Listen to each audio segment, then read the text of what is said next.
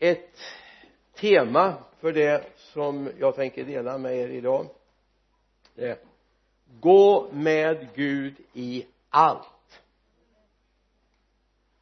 Gå med Gud i allt. Och jag vill ta er med till kanske den mest kända gammaltestamentliga texten psalm 23 vi ska ta några versar där från vers 2 han låter mig vila på gröna ängar. Han för mig till vatten där jag finner ro. Han ger liv åt min själ. Han leder mig på rätta vägar för sitt namns skull. Även om jag vandrar i dödsskuggans dal fruktar jag inte ont för du är med mig.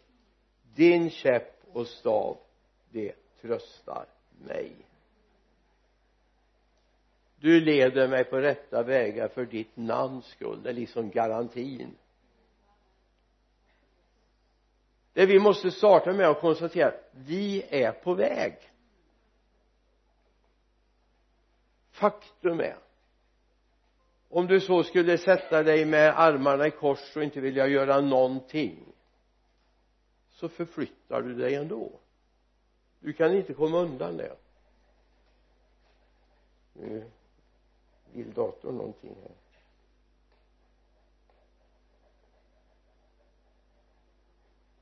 Jag gillar inte att det var sömnlöst ett tag här. Alltså även om du inte gör någonting utan bara sitter där i din fåtölj så förflyttar du dig ändå tidsmässigt. Och faktum är håll i dig du kommer närmare uppbrottets stund. Obönhörligt och fantastiskt. Vi är på väg. Himlen är en verklighet för oss.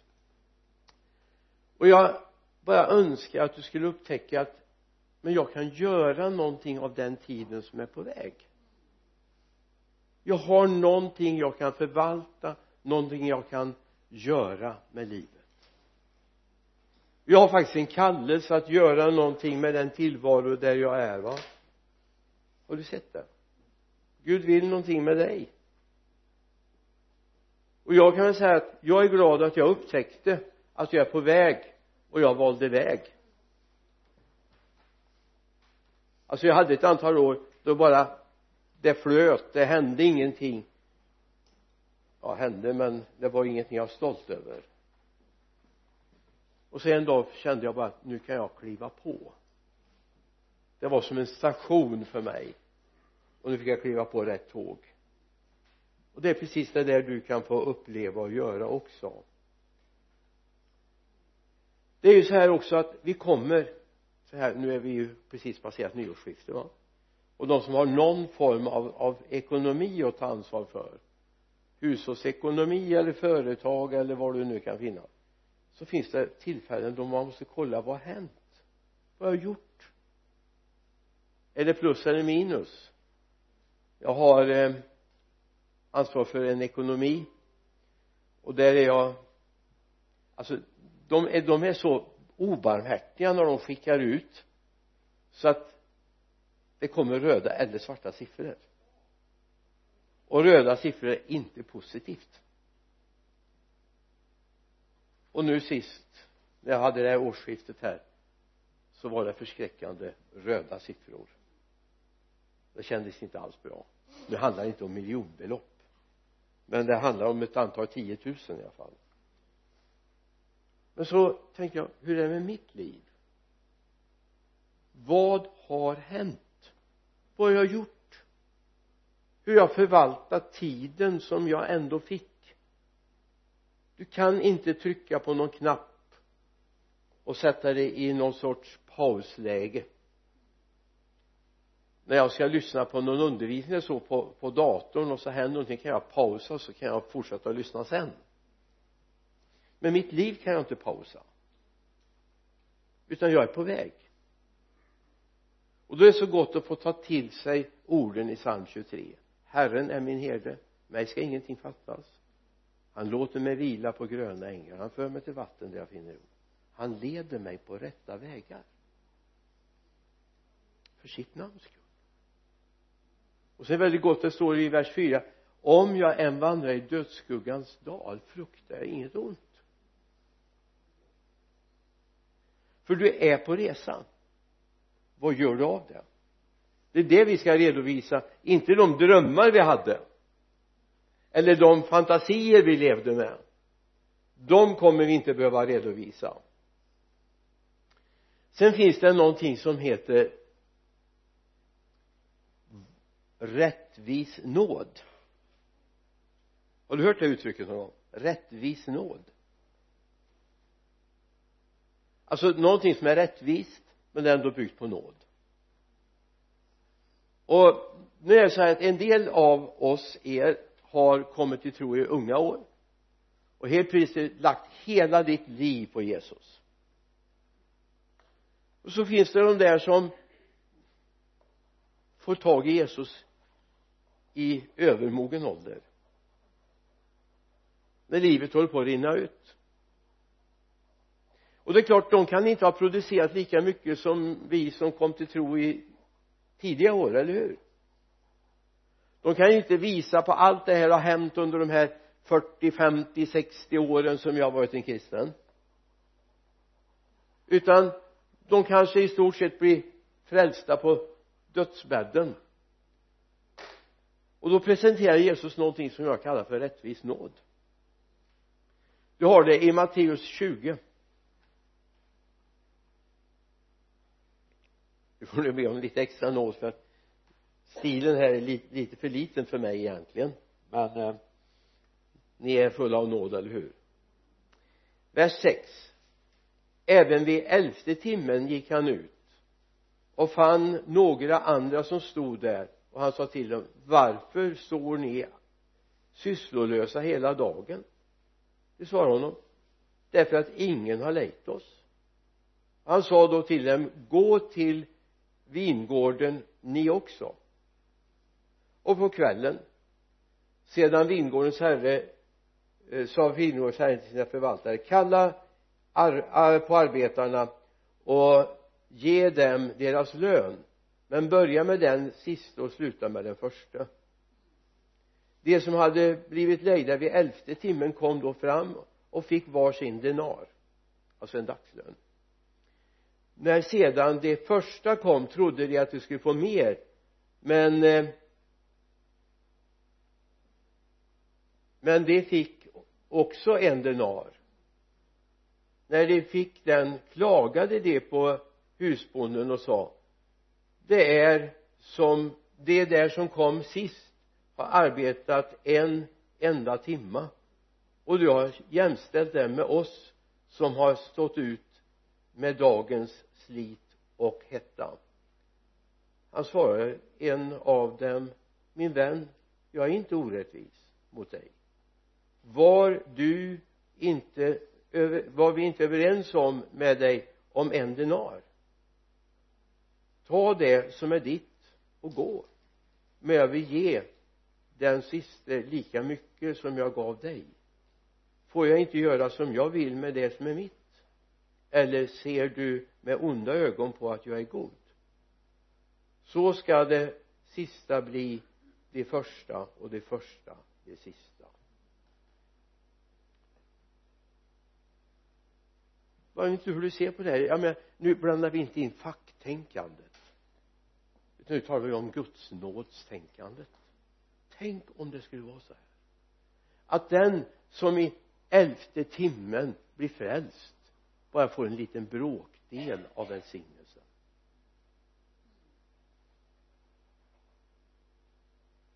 Skulle du tycka det var rättvist? Nej. Gud har alltså någonting som jag kallar för rättvis nåd.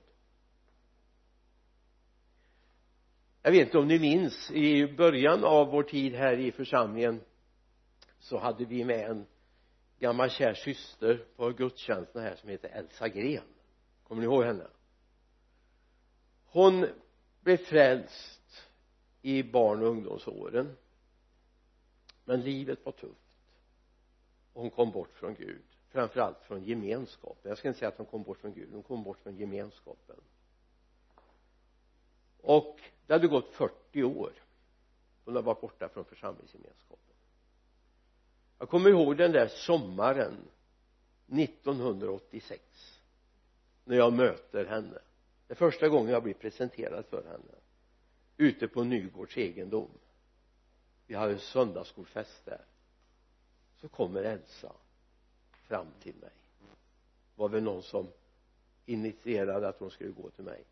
Och sa jag vill så gärna bli med i församlingen igen men jag har levt ett sånt och sånt liv jag bara tittade på henne och sa att vill du ändra det? Så finns det nåd. Så bad tillsammans. Vi stod där vid runden nästan nere vid Nygårds egendom. Och där fick jag be frälsningsbön med henne. Och hon fick komma tillbaka till Gud. Sen hade vi en speciell koppling till henne. Hon var gammal och hon åkte med oss när vi skulle på gudstjänst även när vi började här då ehm, och så ringde på morgonen och sa vill du med till gudstjänst i baptistkyrkan idag? Ja jag har sån lust sa hon.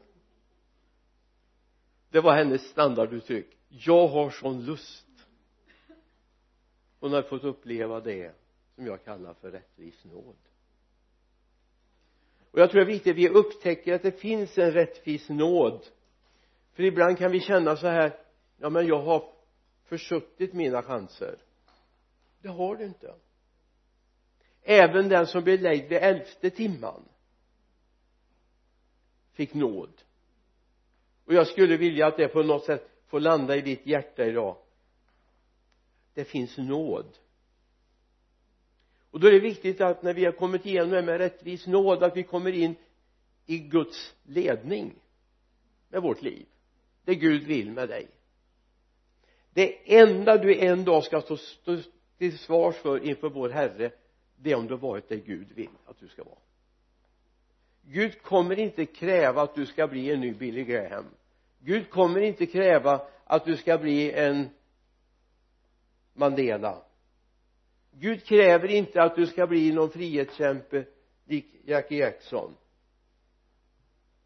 Utan Gud vill att du ska bli det han har kallat dig till det är viktigt.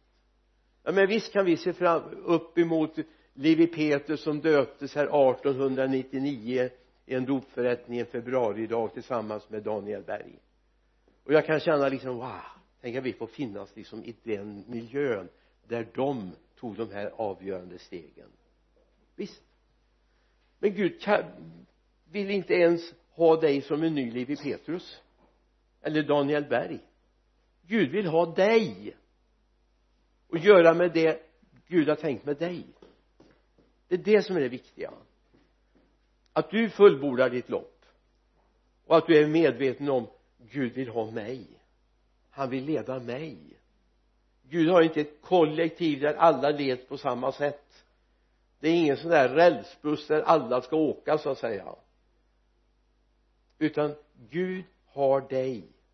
Och han har tänkt någonting om dig. Han har kallat dig och det är viktigt att du ser att Gud faktiskt har kallat dig. I inledningen av den här bibeltexten Matteus eller Johannes nej psalm 23 förlåt mig. Psalm 23 så står det en psalm av David. Du vet David hade ganska mycket erfarenhet av det han pratar om här. Han hade varit våra herde. Och det skulle vara väldigt spännande egentligen att gå igenom de här olika detaljerna om käpp och stav och så vidare. Varför ska han ha både och? Etc men det får vi släppa till någon annan gång. Men det står så här Herren är min herde. Mig ska inget fattas. Han låter mig vila på gröna ängar. Han för mig till vatten där jag finner ro så initialt innan han kommer att han ska leda dig på rätta vägar för sitt namns skull så finns det en bekännelse över ditt liv. Herren är din herde. Herren tar hand om dig. Herren har omsorg om dig. Nu vet jag inte nu har vi ju en som kan det här med får bättre än jag då för jag är det närmaste jag är fårskalle då men men eh, det sägs att får har väldigt dålig orienteringsförmåga. Kan det stämma?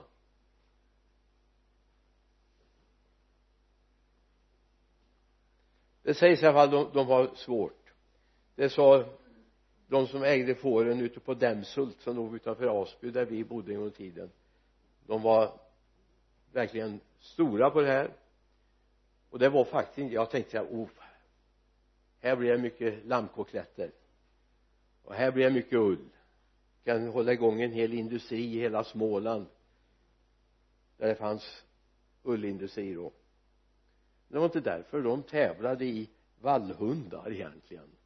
Så behövde de en stor flock för att träna hundarna att kunna leda de här fåren och få dem in i fållor och så vidare. Så det var själva tanken.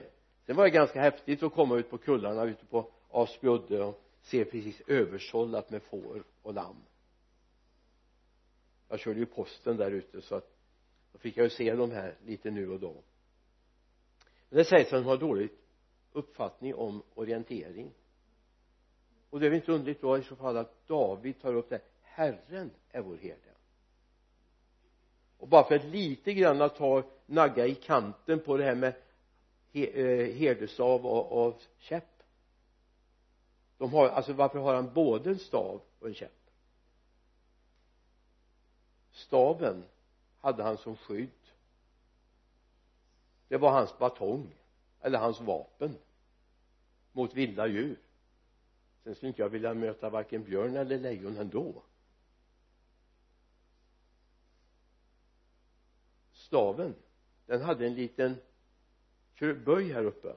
Den kunde han plocka dra tillbaka ett lamm som håller på att springa iväg. Krokade runt nacken, halsen drog det tillbaka. Samtidigt som han hade det som ett stöd när han gick. Så det finns tankar han har det här för oss. Han är omsorg. Så ibland kanske han tar det i nackaskinnet och drar det tillbaka. Och det är nog väl i så fall. Herren är vår herde. Och då fattas oss ingenting. Varför det? Han försörjer oss han försörjer oss. Och bibeln säger att han är vår försörjare. Det är ett av Guds egen namn. Han är vår försörjare. Sen hur det var med fåren och så vidare det kan vi ju fundera på. Men Jesus använder också den här bilden. Om vi går till Matteus 9 35 och 36 jag älskar ju vers 38 då men jag får försöka släppa den idag då. 37 och 38 är också fantastiska men 35 och 36 vi ser. Jesus gick omkring i alla städer och byar och han undervisade i deras synagogor och förkunnade evangeliet om riket och bota alla slags sjukdomar och krämpor. Och så när han såg folkskarorna förbarmade han sig över dem för de var härjade och hjälplösa som får utan herde det var Guds Jesu bild av människorna. De var härjade och illa medfarna. Varför då? Jo de var som får utan herde. De hade ingen som tog hand om sig. Och jag säga är det inte det vi skulle kunna säga om nutidssvensken? Eller hur? Eller kanske till och med nutidsiranier? Eller afghanen? I vår tid? Illa medfarna som får utan herde. Och sen kommer det här vi ska be skördens herre och så vidare. Och han sänder ut arbetet sin skörd. Gud vill vara din herde. Gud vill det.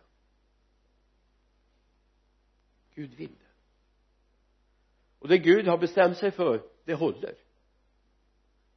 Men om nu inte du för Gud skapar oss med en fri vilja. Vi får välja ont eller gott. Vi får välja rätt väg eller fel väg. Det är inget tvång. Men om du väljer rätt väg så vill han vara vår herde. Och det är viktigt att komma ihåg att det här livet är ingen sightseeingresa det är ingen guidad tur. Du vet en guidad tur den återkommer så småningom till samma utgångspunkt. Det gör inte vår resa. Det gör inte vårt liv. Du har startat i en punkt men du kommer landa på en annan plats. Både upplevelsemässigt kunskapsmässigt och relationsmässigt. Det händer saker under resan. Och Gud vill leda oss varje resa och framförallt livsresan har ett mål. Eller hur? Jag vet att jag är på väg mot ett land. Jag vet att jag är väg, på väg mot en framtid. Och jag tycker alltså någonting är det någonting jag känner vi skulle vara väldigt paulinska i så är det synen på evigheten det finns inte plats för så mycket snyft-snyft där. Så här är det. Nu är vi här. Sen ska vi vara där. Trösta nu varandra med dessa mina ord. Om vi går till andra Timotebrevets fjärde kapitel. Då säger han så här jag har kämpat den goda kampen jag har fullbordat loppet jag har bevarat tron. Nu väntar mig rättfärdighetens segerkrans. Den ska Herren den rättfärdige domaren ge mig på den dagen. Och inte bara mig utan alla som älskar hans till återkomst. Verserna 7 och 8 förlåt mig. Andra tim 4, 7 och 8 jag har kämpat den goda kampen jag har bevarat eller jag har fullbordat loppet jag har bevarat tron. Nu ligger rättfärdighetens segerkrans beredd för mig. Yes. Är inte plats för något snyft snyft? Vi ska gå från en välsignad gemenskap med Gud men ska vi flytta hem till härligheten? Jag hoppas det är bra om vi kan se det att vi ska hem till härligheten det är inte ett straff vi är på väg mot förhoppningsvis utan vi är på väg mot härligheten. Och går vi till Filipperbrevet det första kapitlet vers 22 till 25 nu ska jag vara så duktig så jag till och med kommenterar vad, vad jag läser ifrån. Filipperbrevet 1 22 25 men om livet här i kroppen innebär att mitt arbete bär frukt då vet jag inte vad jag ska välja. Jag dras åt båda hållen. Jag har en längtan att bryta upp och vara hos Kristus. Det vore mycket bättre. Men för er skull är det mer nödvändigt att jag får leva kvar här i kroppen. Det är jag övertygad om. Och jag vet att jag ska få leva och vara kvar hos er alla och hjälpa er till framsteg och glädje i tron. Hallå! Vilken relation han har till evigheten perspektivet. Okej? Okay. om det nu gör nytta för er att jag är kvar då stannar jag väl då. Hallå! Men jag vet ju att flytta hem vore mycket bättre och vara hos Kristus. Alltså det som är viktigt när vi kommer in i den relationen med Kristus och vi kommer in i det liv som Gud har valt för oss det liv Gud har valt för oss det vi en dag ska stå till svars inför honom för då suddas den här gränsen ut. Den här våndan ångesten som finns där. En dag ska jag se en fullkomlig värld. Jag menar om du har valet att bo i ett dragigt hus där det regnar in och värmen inte fungerar och få flytta till ett palats där du har alla faciliteter. Vad väljer du? Men tänk om du kan vara till nytta om du lever i det gamla huset. Alltså det är lite på det sättet som Paulus ser det. Har vi möjlighet att plocka in det? Jag kan förstå ibland är det så att det finns saker jag skulle vilja uppleva först. Ändå vägen vandringen tillsammans med honom när han får leda mig på rätta vägar för sitt namns skull då kommer vi in i en sån situation.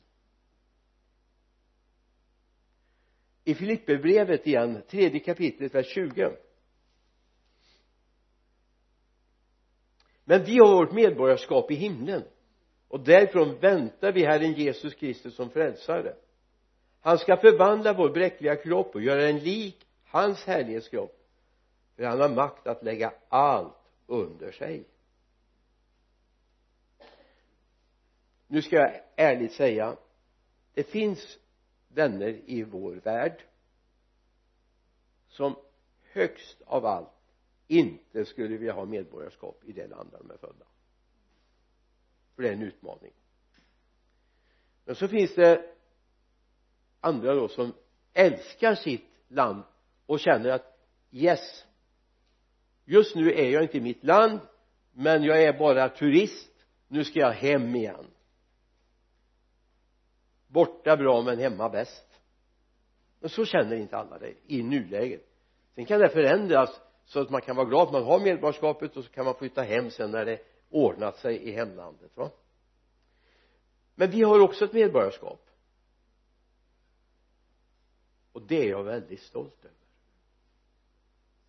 Jag vet att jag har glädje av att jag är medborgare i Svea rike. Jag vet det.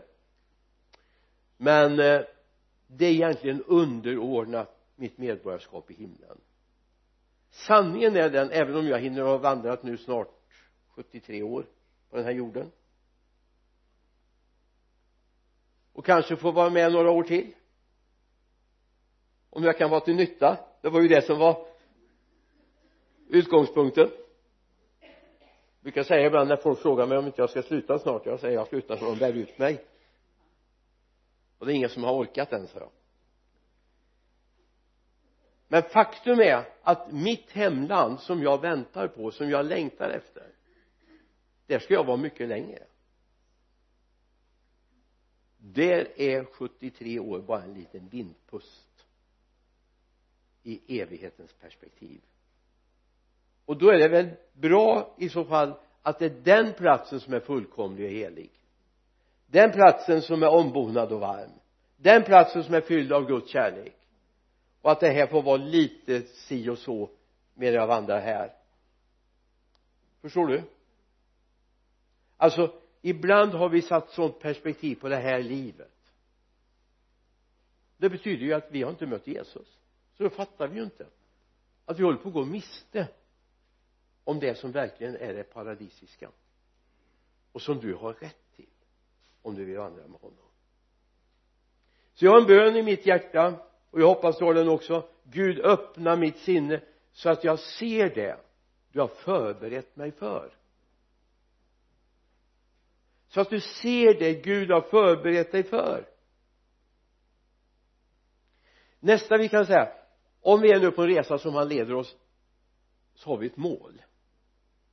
Det är ingen guidad rundtur som tar 15 minuter och så är du på samma plats igen. Det är inte som att åka berg och dalbana eller vad de heter på Liseberg och betala en förmögenhet och så tar det fem, tio minuter max va? Inte det en gång. De enda som blir rika på det det är de som äger Liseberg. Och då behöver de för det är ju Göteborgs kommun som ni göder när ni är på Liseberg det kan vara bra för äldringsvård, äldrevården och, och så vidare där. Men faktum är att också resan till målet är viktig. Han leder mig på rätta vägar för sitt namns skull. Skulle Gud velat så hade han kunnat tänka så här oj idag blev Vickan frälst. Nu tar vi hem henne till himlen direkt. Det gjorde han ju inte så långt jag förstår. Och är det ingen annan heller. Utan Gud har tänkt att den här resan ska få bli en underbar upplevelse också. Ditt liv ska vara en underbar resa. Även om det finns mycket som är trassligt och besvärligt och motstånd runt omkring oss så är han med oss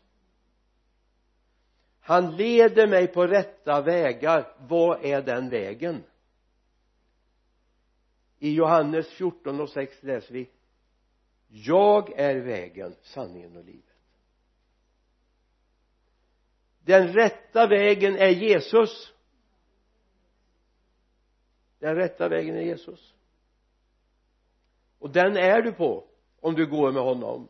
Jag vill säga det är inte bara att du är där du är innesluten i den. Han omsluter dig på alla sidor om vi går till psalm 139 verserna 1 till 5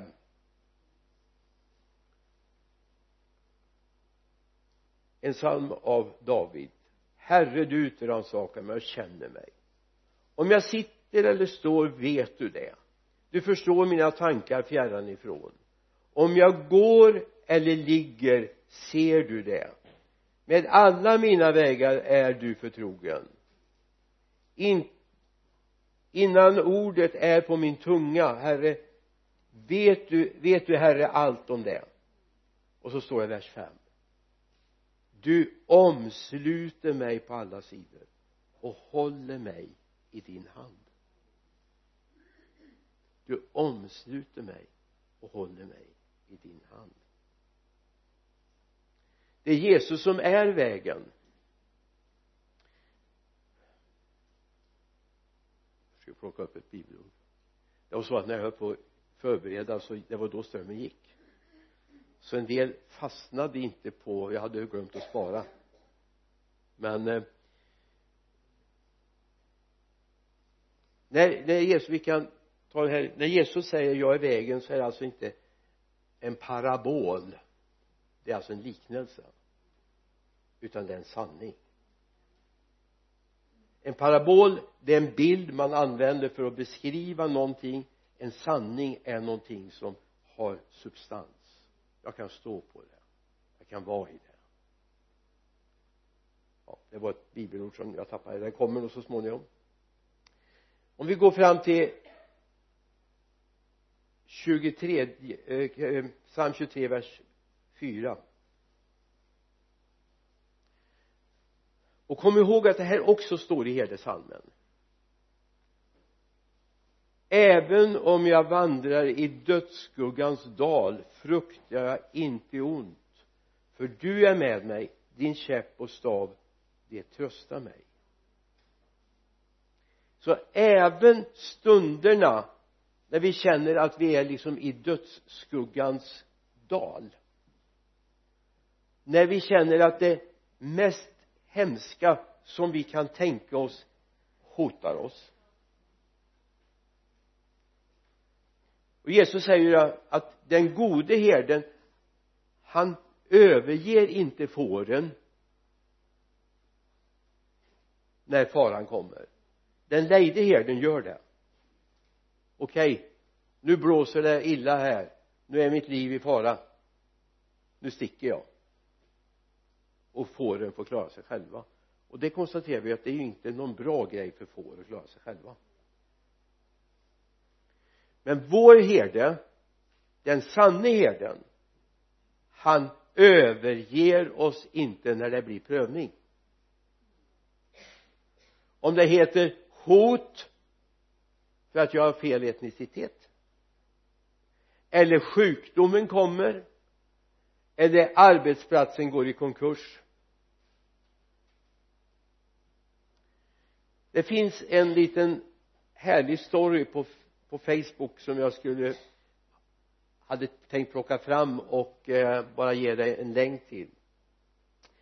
Men om du söker upp Daniel Kanats Facebook-sida Daniel Kanats Facebook-sida kan du göra när du kommer hem så scrollar du en bit ner där han berättar en det är en parabolos då en liknelse som beskriver att för dem som älskar Gud samverkar alltid det bästa.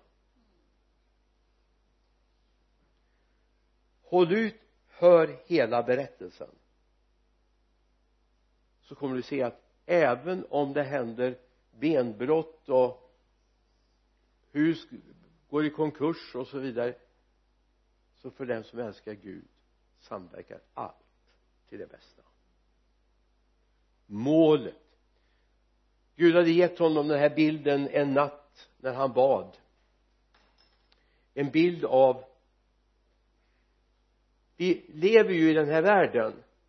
Vi lever i en trasig värld och ibland kan vi tycka allt är emot oss. Och allt kanske är emot oss. Nej inte allt. Det finns en som aldrig är emot oss. Han är för oss finns en som alltid är för oss. Oavsett. Jag brukar hänvisa ibland till det jag kallar för Paulus CV när han berättar om allt det han har gått igenom. Om alla faror, skeppsbrott som han har drabbats av. Ändå går han med Gud. Även om vi är i dödsskuggans dal när vi tycker allt är mörkt, allt är hopplöst, allt är emot oss så kommer det finns en som är för oss. Glöm inte bort honom. Det finns en benägenhet hos oss. Jag vet inte om det är en mänsklig benägenhet eller en svaghet skulle jag vilja säga. Det är att om om jag ska exemplifiera vi ser, hänga upp en jättevit duk här framme. Kritvit nytvättad välstruken. Och jag ska säga kan ni se vilken underbar vit duk? Men det, problemet är bara att det sitter en liten svart fläck där, en smutsfläck. 99 procent av alla skulle se smutsfläcken. Eller? Åtminstone kvinnor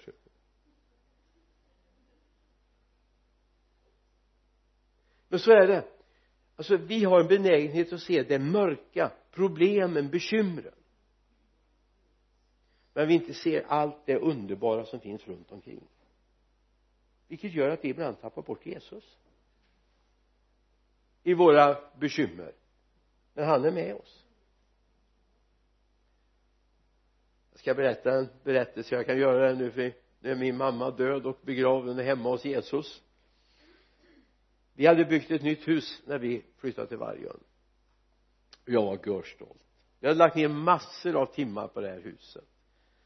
Jag är inte snickare men vi har varit med vi hade varit med och målat och tapetserat och gjort lite små detaljer. Jag hade ritat en del detaljer i huset och så vidare. För vi hade ju fyra barn och behövde få plats med ungarna också i huset. Så vi ordnade med lite extra rum och så här. Så att goda vänner som varit där och snickrat och så första gången. Görstolt skulle visa mamma det här huset som kom och hälsade på oss. Vi bodde inte i det ändå utan vi skulle dit och titta innan det var möblerat och vi hade flyttat in. Det skulle vara visningshus. Så vi fick vänta 14 dagar och flytta in i det. Jag tog med mamma in och, och gick runt och tittade. Så ställde sig vid fönstret och säger men det är allt mycket jobb med trädgården. Och det var bara lerhögar utanför. Det blir allt väldigt mycket jobb med den här trädgården. Och jag, jag kände bara gardin gick ner på mig. Och jag menar min mamma tyckte det var jättefint hus sen. De kom till oss och bodde hos oss periodvis. Men, men just det där det är så klassiskt oss att vi ser bekymren och tar ut dem i förväg. Betyder inte att inte bekymren är reella. Men tänk om vi kunde få lite mera syn på Jesus. Om vi än vandrar i dödsskuggans dal fruktar jag inte ont. Ty du är med mig. Jag vet inte om ni minns de här svenska missionärerna som blev bortförda och fångatagna borta i Tjetjenien Brolins. 180 dagar satt de fängslade i en terrorgrupp. 180 dagar. I cirka hälften av den tiden runt 90 dagar fick de vistas i en fängelse där de bara kunde ligga på rygg de fick krypa in, ligga på rygg och så hade de som ett hönsnät ovanför sig och så var det låst runt omkring. Och de fick inte ligga tillsammans en gång utan de kunde ju prata med varandra men de hade en skiljevägg sig emellan de kunde inte ens sträcka handen till varandra. Egentligen skulle ni läsa den boken. Det här är sant. Det är nutidshistoria. Hur en svensk missionär, svenska missionärer, ett ungt par och idag är pastorspar i Sverige. Men någonstans så två saker, de fick ingen bibel med sig. Fick inte ha någonting med sig. Två gånger varje dag fick de gå ut därifrån. En gång för att göra sina behov på en mycket primitiv toalett. En gång för att få ett bröd och lite vatten men de lärde sig en sak. De hade säkert med det redan. Att varje morgon mediterade de bibelord högt. Först läste den ena och sen läste den andra. Och sen tackade de Gud tillsammans för dem de har fått vara med och föra till tro. Tacka Gud för att de ändå levde. De lärde sig någonting om de än vandrade i dödsskuggans dal för de var utsatta också för skenavrättningar så såg de han är med. De gav inte upp. Därför han bodde här inne. Och det är det vi behöver få tag i. När han leder oss så leder han oss inte bort ifrån närheten till Jesus. Utan han leder oss in i närheten av Jesus. Och det är viktigt att få tag i det. Herren är vår herde. Låt mig få komma till det sista nu. Något av de största problemen vi som människor har det är stolthet. Stolthet. Vi låter som en femåring för det mesta. Kan själv.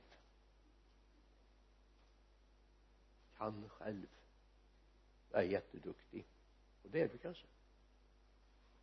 Men utan Jesus är du egentligen slagen till marken. Utan Jesus så är du intagen av alla de tankar och värderingar som finns i den här tiden. Det står här att han är med oss även när vi vandrar i dödsskuggans dal. Förutsatt att jag vill. Han finns där. Men vill inte jag koppla med honom så kommer jag inte behöva det. Han kommer aldrig tvinga mig. Men om du kopplar med honom så kommer du få leva det beskyddet. Så släpp stoltheten och jag kan. Jag vet. Ödmjuka dig inför honom och han kommer upplyfta dig och leda dig. Herren är vår herde. Oss ska ingenting fattas. Han låter oss vila på gröna ängar. Han för oss till vatten där vi finner ro. Han vederkvicker vår själ. Han leder oss på rätta vägar för sitt namns skull. Även om jag vandrar i dödsskuggans land fruktar jag inget ont för du är med mig din käpp och stav det tröstar mig. Herre låt det få bli någonting av den bön som vi ber den här dagen. Herre att vi inser att livet är i dig. Det liv du har gett oss du har gett oss för att vi ska leva det i dig. Herre förlåt oss alla gånger vi vill ge oss ut på egna äventyr. Herre tack för att det står också att även när det fanns 99 kvar av 100 så söker du upp det hundrade och är det någon herre som du den här dagen vill söka upp så ber jag herre att någon ska få bli fångad av dig. Jag ber i Jesu namn. Amen.